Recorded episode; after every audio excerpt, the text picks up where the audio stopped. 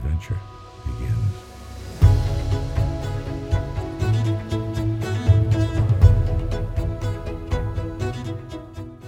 Hjertelig velkommen skal du være til den første episoden av Theotalk. Dette er podkasten der du skal få høre historien til spennende, kanskje litt gærne mennesker som har gått mot strømmen, satset internasjonalt og gjort karrierer helt utenom det vanlige. Mitt navn er Theodor Strand Johansen. Jeg bor i Chicago og jobber med det som er min store passion, nemlig sjømatnæringen. Gjennom jobben min er jeg så heldig å få møte mange svært inspirerende mennesker. Dette er personer som helt fra scratch har klart å bygge milliardbedrifter innenfor fremtidsrettede næringer, eller entreprenører som jobber med pilotprosjekter der de utfordrer etablerte standarder og normer. Med Theotalk skal du og jeg bli mye bedre kjent med disse menneskene. Hva er det de tenker? Hva er det de sier til seg selv når de er langt nede eller møter store utfordringer? Hvilke valg har de tatt? Hva er det som motiverer dem? Hva er det som gjør at de kommer seg opp tidlig om morgenen? Eller kanskje enda viktigere, hva har de bortprioritert for å komme dit de er i dag? Jeg skal snakke med næringslivstopper, idrettsutøvere, politikere, kunstnere og modeller. Jeg skal også kjøre enkelte workshops eller tankeeksperimenter der jeg tar opp temaer som opptar meg. Dette er ledelse, det er prestasjonskultur, selvutvikling og kommunikasjon. I dagens første episode av Theotalk skal du få bli med da jeg tok praten med selveste Philip Ingebrigtsen. Sammen med brødrene sine har Philip og Team Ingebrigtsen skapt en ny æra innenfor norsk friidrett. De har gang på gang skrevet uh, idrettshistorie, og nå skal du få høre praten jeg hadde med Philip på selveste Manhattan i New York i forbindelse med et stevne han løp der nå nylig. Da tror jeg det bare er å lene seg tilbake, og så håper jeg virkelig at du liker det du hører.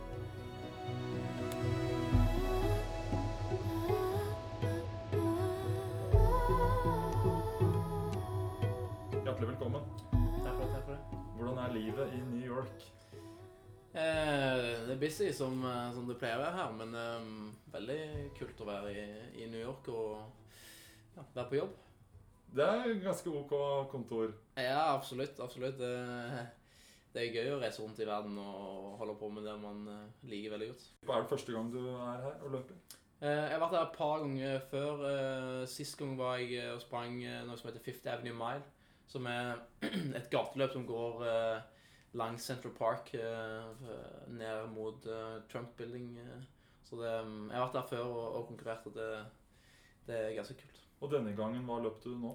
Eh, nå sprang jeg noe som heter Milrose Games, som eh, er en veldig tradisjonsrik eh, stevne som er arrangert i, i veldig mange år. Tidligere ble det arrangert i Madison Square Garden, der de bygde opp stadion, men nå har de fått en, mer, en bane som er, er fast eh, hele tida, hele året, og sprang mile mot de beste amerikanerne eh, i går. Hvordan er det å løpe i USA sammenlignet med Europa? Alt er litt større, eh, men det er òg veldig mange som er interessert i, løping i USA og kan veldig mye om det. Det er, liksom, det en helt annen kultur for å konkurrere. De fleste du snakker med liksom, rundt forbi samfunnet generelt, har liksom løpt enten på high school eller college og liksom løpt noe cross country eller løpt liksom eh, noe relays eller DMRs. Så, så det er liksom eh, alle har et forhold til Eller veldig mange har et forhold til um, friidrett. Ja. Og du sier du vært i OL, og sånne ting, så det klikker det jo helt. Det, er liksom det, Olympisk utøver, det Ja. står høyt. hvis du er sånn Olympien, det, det er liksom eh, Jeg tror du stiller litt foran i køen hvis du har det på CV-en når du søker på en vanlig jobb. liksom. Ja, ja. Nei, det er ikke verst å dra til New York og hele stadion er utsolgt. Kommer fra lille Lura i Sandnes. Jeg kommer fra Lura. Nei, det, det er spesielt. eh, Og, og det er jo ganske kult å, å, springe innendørs når det er sånn 6000 tilskuere, for det blir veldig intenst liksom, når det er så liten bane, og de stapper så mye folk inn i, på en liten, liten stadion. Det er kanskje et litt, litt eh, stikkete spørsmål, men ja, hvordan gikk det? Eh, det gikk litt under par eh, rent sånn sportslig. Jeg hadde håp på, på litt bedre, men eh, jeg hadde en, eh, en deal med, med Gjert at hvis jeg ikke sprang under fire minutter på mile, så måtte jeg ta båten hjem. Så jeg kom iallfall under fire minutter. og sprang 3.56 og tok ny norsk rekord med fem sekunder. Så eh, jeg kan ikke klage sånn veldig mye, men det var en litt tung dag etter, etter høyden. Og, og kroppen var ikke helt, eh, helt i hundre, så det var litt kjedelig å bli, bli slått. Jeg skulle helst ha vunnet, men det er ikke alltid det blir sånn som man håper. Nei, for nå er det syv-åtte dager siden du kom hjem fra Afrika. Eh, det er vel dag fem, sånn som vi regner det i, etter høyden. Så det er sånn Eller i dag er dag seks, stoppen men i går Ja. dag fem. Så, Ja. så det, det, det kan gå liksom opp og ned ganske mye i den perioden der. Men du kan ha gode dager òg, så jeg kunne vært heldig og visste at det var en risiko at det kunne gå dårlig, men, men eh, I Tyskland for noen dager siden løp det jo ja, da gikk det, da gikk det veldig fort. Så det er jo eh, Det var jo world lead, faktisk, i, i verden. Ja. Så, så det, det var nok et ganske mye bedre prestasjon enn det jeg fikk til i går. da. Så det var litt kjedelig at jeg ikke klarte å eh, ja, kopiere det jeg gjorde der. Men, men sånn er det liksom når man, når man har en ganske kort periode med konkurranse og, og, og mye reising og sånn, så kan det, kan det gå litt uh, alle veier. Hva tror du på en måte var eh, største utslaget for at det gikk som det gikk? Er det det at du har kommet ned fra høyden? Er det jetlag? Er det reising? Du har på en måte erfaring med det her nå. Hva er det som er utslagsgiveren? Jeg tror det er på en måte alle de tingene. For det er liksom sånn eh, Jeg tror høyden i seg sjøl vil ikke så store utslag, eh, og heller ikke reisen. Nei. Men når du har liksom alle de tingene oppå hverandre, så, så eh, driver vi med idrett der marginene er veldig små for uh, om du liksom holder helt inn, eller om du føler liksom virkelig er bra. Så jeg tror kanskje at det, mm, at det var en god blanding. da. For jeg visste jo det på, på tirsdag, eller bare for fire dager siden, at, det var, at jeg er i veldig god form. Og jeg vet jo med det med den treningen jeg har gjort, og sånn også, så, så jeg er ikke noe stressa for det, men det er jo så kjedelig å ikke gjøre så bra som du hadde håpet. Hvordan føler du at du ligger an nå i forhold til tidligere år på denne tiden av året? Det er vanskelig å sammenligne. Altså, man prøver jo hele tida, man gjør jo mye de samme øktene og, prøver liksom å bygge på å ha en sportslig utvikling for hvert år. Og, og det er jo det som er mye av motivasjonen bare det å, å holde på, at du ser en progresjon, og at du føler at du blir bedre. Men eh, det kan jo òg Du kan òg bli litt lurt av at du blir bedre gjennomfor økter, at du har gjort de så mange ganger at du liksom at du har blitt bedre på gjennomføringen. Sammenlignet sånn resultatmessig objektivt i forhold til i fjor, så, så, ligger jeg en del foran. Og, Ja. og har bygd på den, de gode prestasjonene jeg gjorde i fjor. Eh, Så, så det blir spennende å se i år der det blir en enda mer spissing mot eh, bare 1500-meter, og ikke, ikke en sånn kombinasjon 15-5 som jeg gjorde i, fjor. Hva blir sesongens store mål? Sesongens store mål blir jo helt klart OL. Eh, Jeg føler jeg har mye å revansjere fra Rio, der jeg eh, gikk på en stjernesmell og ble diska. Ja. Eh, Og Er det revansj? Det er liksom revansj som, som det har ligget i bakhodet liksom helt siden. Ja. Og har vært en veldig stor og viktig motivasjon i på en måte min satsing siden. Men det er jo klart at det, det kommer såpass sjelden, og det kan være at det siste mulighet jeg har i et OL. Jeg har jo en plan om å holde på til neste OL, men man vet jo aldri hva som skjer. Man må prøve å utnytte de mulighetene man får, og ta vare på de, de sjansene man har. Hvem blir største konkurrent? Er det noen utlendinger, eller er det rett og slett lillebror? Eh, Det er klart at Jakob på 500 det er en av mine største konkurrenter. Vi var veldig jevne i fjor eh, og bytta litt sånn på, på å slå hverandre. Eh, Jeg har eh, fortsatt norsk rekord, men begge to er veldig sultne på å springe under 3.30. Så det er klart at den å være førstemann under 3.30 eh, og i tillegg eh, slå han i, i OL er jo klart eh, Slår du Jakob i OL, så, så tar du medalje. Så, så enkelt og greit er det. Og det er jo en ganske spesiell situasjon å være, Ja. å være brødre og en av de argeste konkurrentene i verden. Men, Men, men det er jo Chariot som er på en måte den som har vært eh, et lite hestehode foran oss andre eh, de siste par årene. Han, eh, vi må være så ærlige om at han har, vært, han har vært en del bedre enn oss. eh, så vi må, vi må bare prøve å korte ned det forspranget. Hva betyr Henrik og Jakob for din eh, karriere? Jeg merker jo det nå når eh, de er jo i Afrika og trener og har hatt litt eh, småproblemer begge to, som gjorde at det, at det ikke ble noe innendørs på de. Og jeg merker det at det, du mister en sånn dimensjon til satsingen, og, og det er ikke like spennende å reise rundt alene Nei. på konkurranser og, og rundt om i verden uten de. For det er den, det er den sosiale, og liksom, det, det, det er gøy, liksom. Og hvis, når jeg gjorde det drit i går, og hvis Jakob hadde gjort det bra, så hadde det liksom vært en liten sånn trøst for meg da, at, Ja. at eh, de gjør det bra. Så eh, det, det, det gir en, en ekstra dimensjon som, som eh, er vanskelig å på en måte få uten. da. Så du reiser både uten brødre og kollegaer, på en måte? Ja, det blir litt sånn. For vi, vi jobber jo med de samme målene og er på en måte sparringspartnere og, og kollegaer, som du sier. Så mm, det, det er litt sånn uvant. Men, men på den annen side så er det jo individuell idrett. Ja. Så, så, så øh, om det har så mye å si for resultatet, det tror jeg ikke. Men, men det er jo klart, alt det rundt blir jo mye kjekkere. Men når dere står på startstreken, og dere er tre brødre som står eh, sammen, åssen er den følelsen? Er det på en måte vi mot røkla, eller eh, føler du at du på en måte får et psykisk overtak? Ja, Tidligere så har det på en måte bare vært um, teoretisk. liksom sånn, Hvordan tror du det blir hvis dere en eller annen gang står i en stor uh, finale eller et eller annet sånt? Sammen. Og, og da har jeg liksom tenkt at sånn, det er kult sånn før løpet, men, men underveis, så, liksom, eller når du står på startstrengen, så er det deg sjøl du tenker på, da er det egen boble. Men, men uh, jeg følte det sånn i VM i, i Doha nå i 2019, så klarte jeg liksom å ta det inn over meg, og, og følte liksom veldig på den der stoltheten at liksom Bare det at vi var tre stykk der, i en idrett som på en måte ikke tradisjonelt sett er noe hvite folk skal hevde seg veldig bra i, Ja. Eh, var veldig spesielt, og, og det var nesten nesten større enn det å, å stå på pallen sjøl, liksom. Ja. Eh, Jeg hadde jo Jeg tok jo medalje to år tidligere. Eh, Da var jeg jo alene. Det var ingen av de andre som var med. Det var sykt kult, liksom. Men, men dette her var spesielt på en helt annen måte. Det var mye mer emosjonelt. For jeg vet hvor mye Henrik har ofra, jeg vet hvor mye de har slitt, og jeg vet liksom hvor mye skal klaffe for at alle tre samtidig i løpet av sin karriere skal stå på samme startstrek. Så det, det, var, det var spesielt på mange måter. Altså. Og jeg følte liksom at det var, det var med mot, mot de andre. Og under løpet, rekker du å tenke noe? Hva går gjennom hodet ditt? Eh, Det er veldig sånn enkle arbeidsoppgaver. Prøve å lese hva de andre gjør, eh, og ha liksom et vågent blikk hele tida der du må reagere på ting. Eh, I starten du å komme inn i rytme og bruke minst mulig krefter.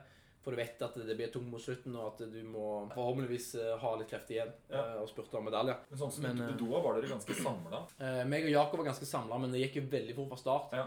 Så det strakk seg fort ut, og jeg visste at det måte, dette må vi jo jobbe for. Ja. Det ble ikke liksom et lureløp der vi spurte på slutten. Der, der var det liksom å prøve å, å springe teknisk bra og springe og spare, spare energi, men fortsatt springe fort. Ja. Uh, Så det, det er liksom enkle ting sånn som det der du, du tenker på. Så mye annet det får du liksom ikke tid til. Så bare gå litt fort gjennom CV-en din, altså merittene dine. Du, du og både Henrik og Jakob er eh, europeisk mester. Du fra 2016.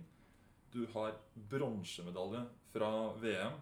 Du har løpt finale i OL. Hva liksom tenker du når du hører, hører det her? Ja, det er liksom uh, gøy at det som har skjedd, liksom, og, og, og eh, setter jo veldig pris på de, det jeg har vært, opplevd og, og det jeg har prestert, men, men, men på andre side så er det liksom Det er fort glemt. Ja. Uh, og idrett er liksom veldig ferskvare. Så du, du, du setter deg alltid nye mål, og du har liksom Det er alltid nye ting å se fram mot, så, så får liksom ikke tid til å tenke så mye over det. Men, uh, men det er jo klart at eh, når man sitter igjen eh, etterpå eh, og, blir, og man blir gamle og ser tilbake på en karriere, så er det jo, er det jo de tingene der man husker. Hva tror du er hovedgrunnen til at du har eh, nådd så langt? Ærgjerrigheten og den der arbeidsmoralen og disiplinen som ligger i bånn, det er at liksom at jeg har alltid hatt eierskap til det sjøl. Jeg har alltid hatt en veldig indre drive eh, for det jeg driver med, og alltid eh, vært veldig motivert til å se hvor god jeg kan bli. Eh, og dermed òg liksom jobbet med detaljer, jobbet liksom eh, profesjonelt og, og eh, vært veldig glad i å konkurrere. Det tror jeg òg spiller veldig mye inn. At det, det er resultatet i enden som er på en måte det som betyr noe.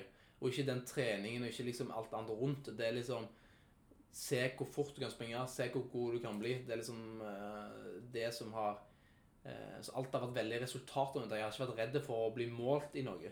Eh, og det, derfor har jeg òg liksom klart å bruke det positivt hvis jeg har gjort det dårlig, men òg hvis jeg har gjort det bra. Hva kan jeg gjøre videre nå for å for å, hele den der søken der etter å, å bli bedre liksom, eh, er jo ja, grunnleggende for, for å nå et høyt nivå. Ja. Altså Da jeg ble kjent med deg i 2014, da mener jeg å huske at du altså da, var du ikke i nærheten av å ha de merittene som du har hatt de senere årene. Og jeg mener huske at du også på et punkt begynte på å studere. Eller i hvert fall meldte deg opp til studiet. Ja, det stemmer. Jeg har, jeg har Hvor nesten langt nede var du da, holdt jeg på å? Jeg har nesten et år eh, på, eh, på universitetet. Ja, du har det? Ja, Ja. i sånn- forhold til studiepoeng. Eh, og syns det var veldig interessant. Og alltid hatt liksom mål eh, like mye som idrettskarriere å å ta en høyere utdanning. Ja. Eh, men, eh, men litt av problemet ble etter hvert at jeg eh, ble eldre og mangla resultater av forskjellige årsaker. Ja. Og jeg er jo en oppegående person som, som på en måte må rettferdiggjøre for meg sjøl og, og alle rundt. og og leve det livet jeg gjør. Hvor nærme var du holdt å legge opp, hvis man skal bruke det ordet den gang? Uh, Bare faen, nå kaster jeg en håndkle. jeg var veldig nærme. Hadde det ikke vært for OL at jeg eh, fire år tidligere hadde satt meg et mål om at eh, jeg skal satse det jeg kan fram til OL i Rio 2016. Ja. Eh, og så ta en vurdering den høsten der om, om dette er noe liv laga, om det er vits å fortsette. For dette, resultatet kommer på en måte ikke over natta, og du må jobbe langsiktig. Så, så eh, jeg hadde liksom sagt, når jeg satt på OL-stadionet i London i 2012 og Ja. så Henrik springe, så sa jeg det her har jeg òg lyst til å prøve å få til. Eh, så gir det en sjanse her fram til 2016. Ja. Og hvis det liksom ikke er noe som har skjedd fram til der, så, så begynner jeg å se etter andre ting. For det, det er andre ting i livet som er gøy, og jeg har interesser i, i mange andre områder enn en bare idrett. Så, så, men, så når jeg da hadde mitt gjennombruddsår i 2016, så, så var det ikke så vanskelig å ta et valg om å, om å fortsette. Men vi hadde ikke hatt et litt sånn langsiktig mål i den der perioden 13-14-15, Ja. så hadde jeg nok lagt opp eh, helt klart. Tenkte på du snakka på at du har andre interesser. og Hva liker du å gjøre når du ikke har på piggsko? Jeg skulle jo helst gjort uh, mye andre ting, jeg jo, men uh, det er ikke alt som er kompatibelt med, med å trene to-tre ganger til dagen og, og måtte restituere og spise og gjøre seg klar til neste økt hele tida. Men jeg, jeg liker veldig godt alt som har med aktivitet å gjøre. eh, Så, så, så jeg er veldig interessert i mange andre idretter. Ja. Som, eh, som eh, vinteridretter og sykling og friluftsliv generelt. Ja. Eh, og så er jeg veldig glad i biler og motorsykler og båter og alt som er, så jeg må nok eh, ja, jeg har noen prosjekter som jeg, som jeg på en måte satt eh, litt på vent på, på de tingene der, og har litt sånn interesse i sånn motorsport og sånne ting, så jeg har lyst til å kjøre kanskje litt, litt motocross eller superbike og, og sånne ting, så det, det, interesserer meg veldig. Men tenk på det er ok for hjertet at du driver med litt sånn en superbike eller motocross nå, eller? Nei, men jeg, han har han har, han er innforstått med at eh, jeg kjører litt motorsykkel innimellom. Har ikke men- nesten hele familien motorsykkellappen? Jo, jeg tror det begynner å nærme seg nå. eh, Det er bare William og Ingrid som ikke har, tror jeg. Ja, så Dere var vel på i USA for noen år siden, så tok vel hele familien ut en hver sin sykkel? Ja, da kjørte vi Route 66 med hver sin Harley, så det var, det var jækla kult. Og det, da hadde alle hver Har du sykkel i Norge, eller? Ja, jeg har, eh, jeg har foreløpig bare én, men jeg, skal, jeg, skal, jeg, jeg er på utkikk etter flere. Ja. men eh, det er jo ikke så mye de blir brukt, så de står jo på en måte bare og Har du den i Oslo, eller er den i Sandnes? Jeg har den i Oslo. Over på noe helt annet. God prestasjonskultur for deg, hva er det? Prestasjonskultur er jo på en måte veldig sammensatt, men, men det er veldig lett å på en måte se når det er til stede, og når det ikke er. Det, det handler om, eh, om fokuset, det handler om hva du på en måte er opptatt av um, til enhver tid. Uh, og liksom mentaliteten og innstillingen til det. Altså sånn det, det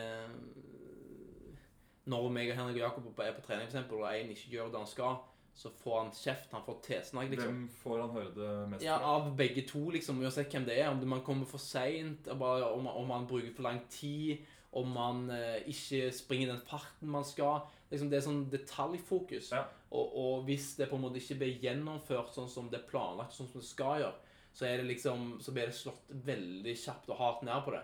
For vi, vi er jo tre individuelle utøvere som, som er opptatt av å bli så gode som vi kan. Ja. Og hvis én da ikke gjør det han skal, eller det går på bekostning av dine resultater eller din utvikling, så, så er du på en måte ikke interessert i å ja, være kjent med det. Så, altså, det, det er liksom eh, Er det det, er en, eh, gjennomførings... Altså det, det, det er liksom I alle aspektene av treningen så ser du på en måte en At du får i deg mat kjapt. At du liksom eh, ja, står opp og legger i noe skal. Altså sånn Og fordelen dere har, er at dere kan være ja, rå, helt rå og ærlige med hverandre. da. Ja, det er liksom det. Så vi, vi er jo søsken og har liksom den, den relasjonen der i bånn. Ja. eh, som vi sier det rett ut. Og det høres veldig brutalt ut tror jeg, når vi er på trening, eh, hvis andre er til stede. Eh, men eh, det er derfor må òg ikke trene med så mange andre. Vi er veldig påpasselige med å på en måte eh, ha treninger med andre, og, og spør, når andre spør om de kan være med. Så er det sånn, vi er livredde for at det skal gå på bekostning av vår egen gjennomføring og vår egen kvalitet på treningen. Eh, Hvordan er det en balansegang? For jeg vil tippe at uh, hele tiden er forespørsler om folk som vil være med på det ene og det andre. Og, og du har jo holdt det på å din eh, arbeidshverdag. Ja, det er litt sånn, Du har jo veldig lyst og Det det er jo veldig sosialt liksom, å ta en joggetur eller ta en økt sammen og de tingene der, men, men eh, vi har man har hatt en sånn konsekvent eh, innstilling til det at, det- at det, er vår jobb, og det, det er vi som liksom setter eh, premissene for Ja. det. Og da kan vi ikke ha for mange andre som er på en måte forstyrrende element i det. da. Så eh, det er både på godt og vondt, for det. vi er jo sosiale folk. Vi òg har eh, kanskje behov for å snakke med andre enn en bare hverandre. Men, men kvaliteten blir liksom eh, ekstremt bra. Eh, Helt siden eh, du ble født, så har du jo vært i, i Lura, og dere har vært et team som har trent sammen. Men nå har jo du flytta til Oslo. Hvordan er det? Eh, det er jo klart at man er jo på en litt annen plass i livet når man er 26-20 enn når man er 18-19 og har kanskje andre behov og, og de tingene der. Men jeg lever jo et profesjonelt liv der, eh, der idretten er, er jobben min. Ja. Eh, og hele livet mitt rundt er lagt opp rundt det.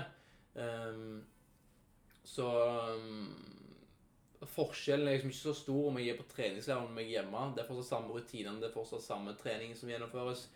Men, men jeg får den der lille avbrekket fra, fra Jakob og Henrik og den der lille pusten i bakken når jeg er hjemme. Det trengs. Jeg tror det trengs for å holde på i mange år. Da, Ja. For at du ikke skal bli lei, og for ikke det skal gå på bekostning av forholdet jeg har til de som, som søsken og, og pappa, Ja. ikke minst. Så, så det har funka veldig bra. Eh, Det er jo ikke lange perioder jeg er hjemme. Det, I 2020 så var jeg hjemme én dag. Ja, såpass, ja. Om nå, om ikke mange ukene, så kan man jo si at eh, livet ditt kommer til å bli forholdsvis snudd på hodet. Hvordan blir det? Du skal bli far. Ja, jeg skal bli far nå i mars. Det er ikke mange ukene til, så jeg gleder meg veldig til det. Både meg og Astrid. eh, Men eh, det er jo klart det blir jo en endring i forhold til sånn som livet har vært nå. Det er bare meg og hun, og der jeg har hatt ansvar for meg sjøl og delvis Astrid. Eh, Så det ble jo eh, sikkert litt mye styr i starten, der det er mye nytt og sånn som det der, men jeg er jo oppvokst med at, eh, at det alltid har vært mye folk rundt, og at det har kommet en, en baby her og en baby der, liksom, så Dere er en stor familie. ja, så jeg er liksom vant med det, og jeg er ikke så Jeg har ikke så veldig stressa forhold til det, men jeg har jo aldri vært liksom hovedansvarlig for, for en baby, liksom, så, så det er klart at det blir jo en, en overgang, men jeg tror eh, Åssen utslag får det på selve jobben din, altså løpinga? ja, Det er jo klart det ligger litt sånn i bakhodet at jeg er litt stressa for det, men, men, men jeg har jo en profesjonell innstilling til det der jeg, jeg må på jobb, jeg må prestere, jeg eh, må gjøre de tingene som skal til for å, for å springe fort. Uh, og da er det jo å prøve å legge til rette og gjøre de tingene som skal til for å prestere best mulig, og for at jeg skal gjøre det jeg, det jeg må gjøre. Så det blir nok en overgang i første, første måneden og sånn så det er, men jeg er mye vekkreist og sånn òg, så det er nok mye mest på Astrid. Men, eh, men jeg, jeg ser ikke på det som en sånn begrensning, eller at, liksom, at det blir en eh, Det blir en utfordring, helt klart, men, men det tror jeg vi skal Så er du jo kjempeheldig som er sammen med Astrid, som har vært toppidrettsutøver selv i alle år, er blant Norges beste sprintere. Så det er, eh, dere snakker samme språk.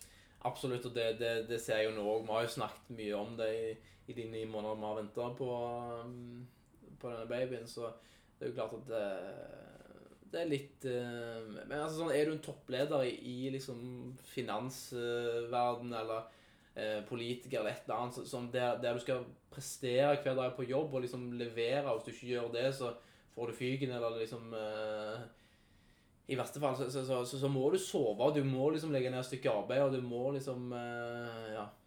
Gjøre det som skal til. Har du Astrid tatt en avgjørelse på om du blir sprinter eller mellomdistanseløper, eller? Nei, jeg håper ikke Jeg håper ikke blir løper, altså. Det, det livet er Skal ikke prakke det for henne? Nei, altså, det livet er ikke for, for alle. og men, Du må være litt skada for å på en måte holde på med dette her. Eh, innsett det? Hæ? Ja, du har innsett det selv. Ja, absolutt. For først så blir du veldig sær av å holde på med det, men Ja. så må du òg ha For virkelig liksom kunne leve dette livet fullt ut, da, så må du øh, Ja, du må være litt spesiell, da. Og du får liksom ikke normale folk til å hevde seg i, i en verdensidrett eller hvilken som helst ting i verden, om det er i arbeidslivet eller om i idrettsverden, så, så må du Du må ha noen spesielle personlighetstrekk som, som ikke alle har, og Ja. det tror jeg er, er bra. Før vi satte i gang, så uh, la jeg ut en uh, liten post, post på Instagram med spørsmål. Tenkte bare ta noen av de nå. Kristian Hannestad, kongen av Toten, lurer på hvilke distanser skal du løpe under OL? Er han kongen av Toten? Ja, nesten. I hvert fall kongen av Skreia. Ja, greit.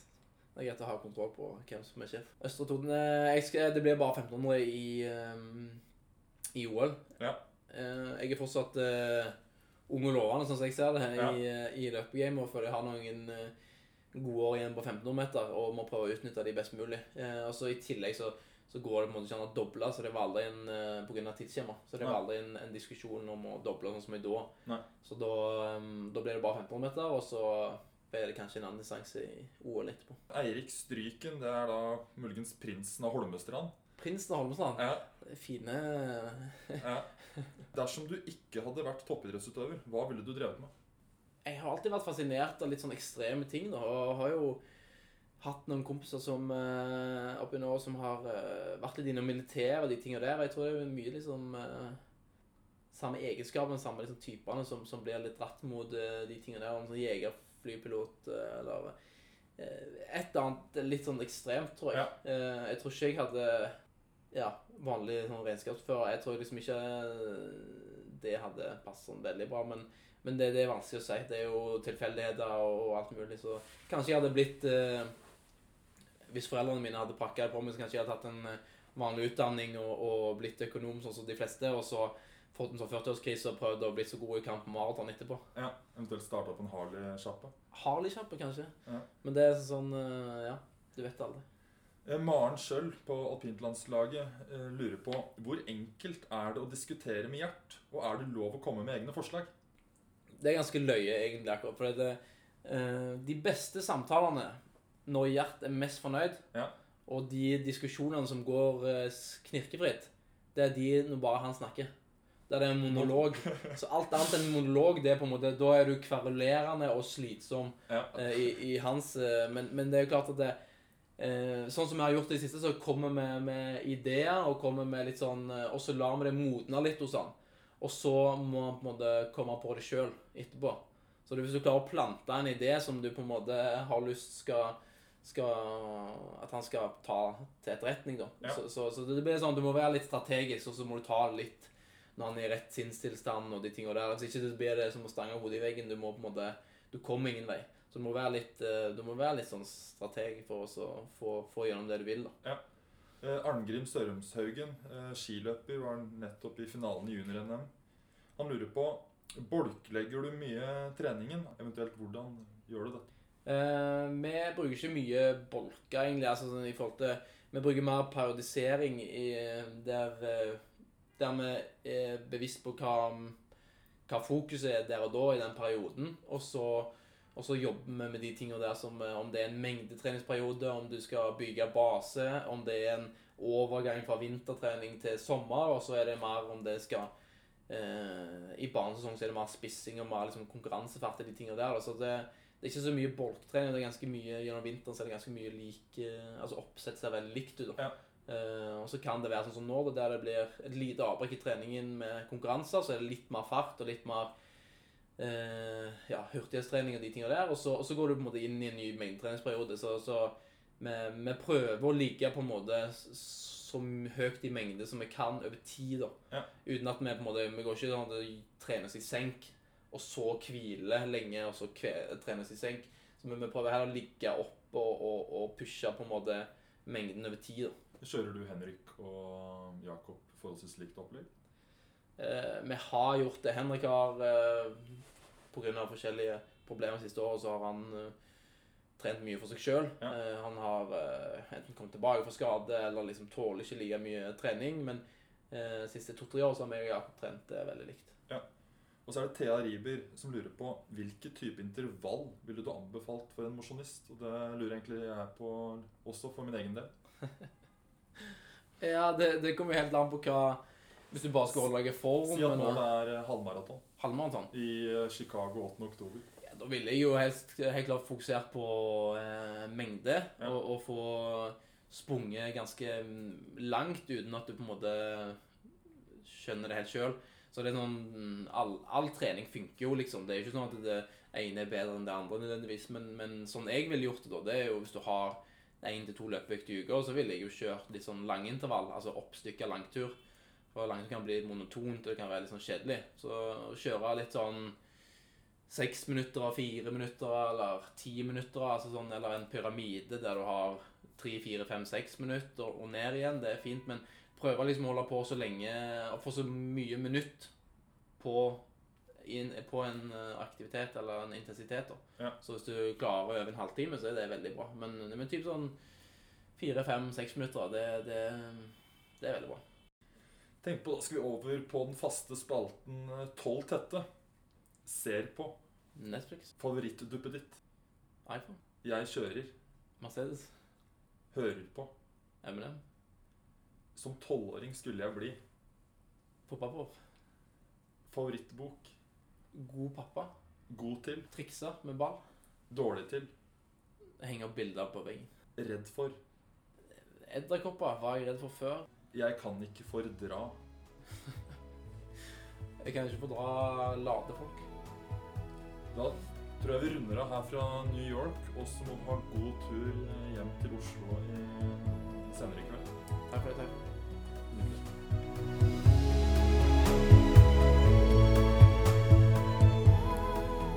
Episode av Theotalk skal du få høre da jeg tok prat med Hege Barnes. Hun er leder for Innovasjon Norge sitt New York-kontor. Og med over 20 års erfaring fra Nord-Amerika tror jeg det er få eller ingen nordmenn som har bedre oversikt og forståelse for hva som skal til for å lykkes i USA, enn nettopp Hege. Vi snakket bl.a. om hva norske gründere kan lære av eh, amerikanerne. Og ikke minst hvorfor svenskene har så utrolig mange flere suksessfulle brands og internasjonale merkevarer enn det vi har fått til hjemme i Norge. All musikken i Theotalk er det Filter som har produsert, og sjekk gjerne ut Theotalk på Instagram for bilder og video.